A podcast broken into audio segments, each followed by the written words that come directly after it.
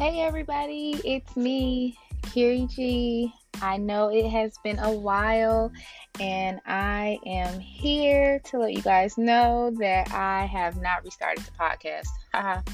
I have instead decided to use my podcast as a um, extension of my self care Sunday um, videos that I post on um, IGTV or Instagram's um, long video channel. Um, so, this Sunday, this past Sunday, I recorded a self care Sunday video. Um, and prior to me recording the video, I had had um, a thought. So I thought it would be really cool to kind of share kind of some of my pre thoughts before and or after I post my um, self care Sunday videos so that I can get back comfortable recording the podcast so that I can eventually restart the podcast. Um, so, um, here's my note for this Sunday. Um, this past Sunday was April 11th, which happened to be the entering of a new moon into Aries, which was really important to me. Aries happens to be my rising sign, which means that it's very important to me. So it's something that I have been uh, lately um, kind of thinking about and utilizing as a way for me to get closer to my purpose. So, um, hope you enjoy. As always, I'm here for questions, concerns, comments of all types as it relates to mental health and wellness um, related to the melanated community. Um, so, happy Sunday. Um, happy week, really, because Sunday's over with. This week, I want the focus for your self care to be on you and your purpose, and hopefully, you enjoy the videos this week. So, thank you. Bye.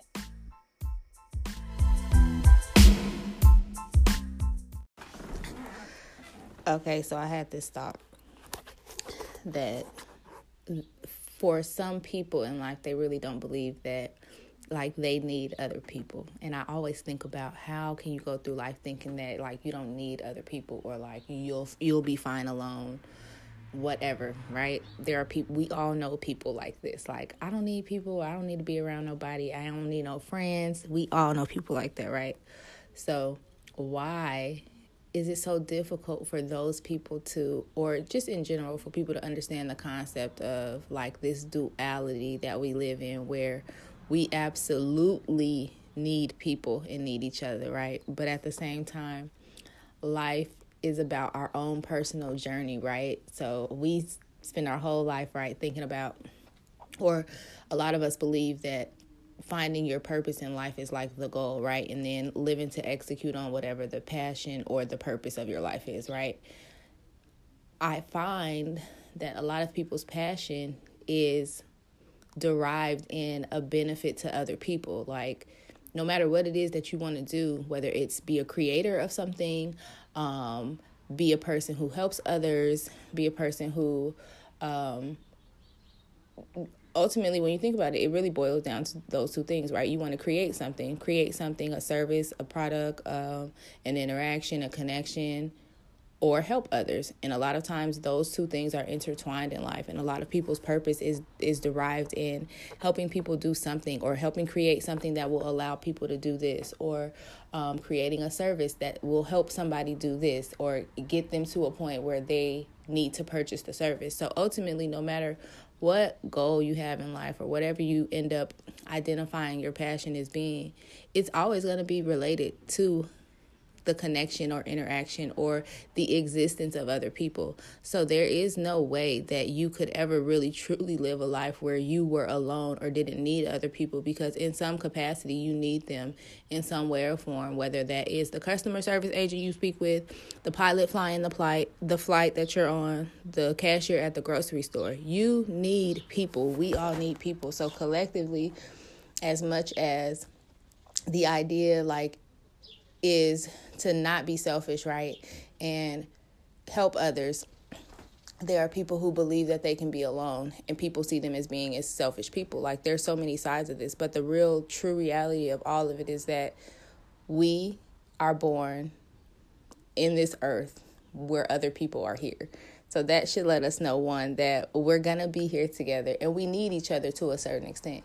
And then secondly is your personal journey and your personal um, kind of process of figuring out what your passion is as it relates to other people. So we don't get the luxury of living a life where you can only think about yourself or you can um, only focus on what you want to do because nine times out of ten when you do that it's still going to benefit other people if you are living your life's purpose your purpose is probably going to benefit somebody some way somehow at some point so again we never live a life where your individualism is more important than the collective just because there's not an existence where that occurs. That's not why we were created. So I kind of just had this thought, wanted to share it with anybody who has trouble or kind of hasn't been able to connect the idea of living in a world where we're kind of taught to be selfish in certain ways, but also taught to like share and kind of be there to benefit others and don't really understand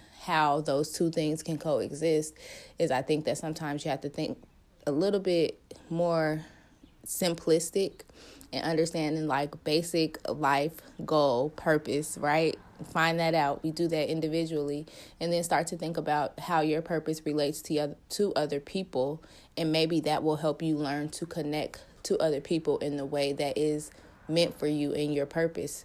Um, if it's your purpose, it'll probably be a lot easier for you to do it, right? So, as far as not being able to connect with people or feeling alone, maybe it's just that you haven't found the set of people or the things that will connect you to the people who you're supposed to be connected to.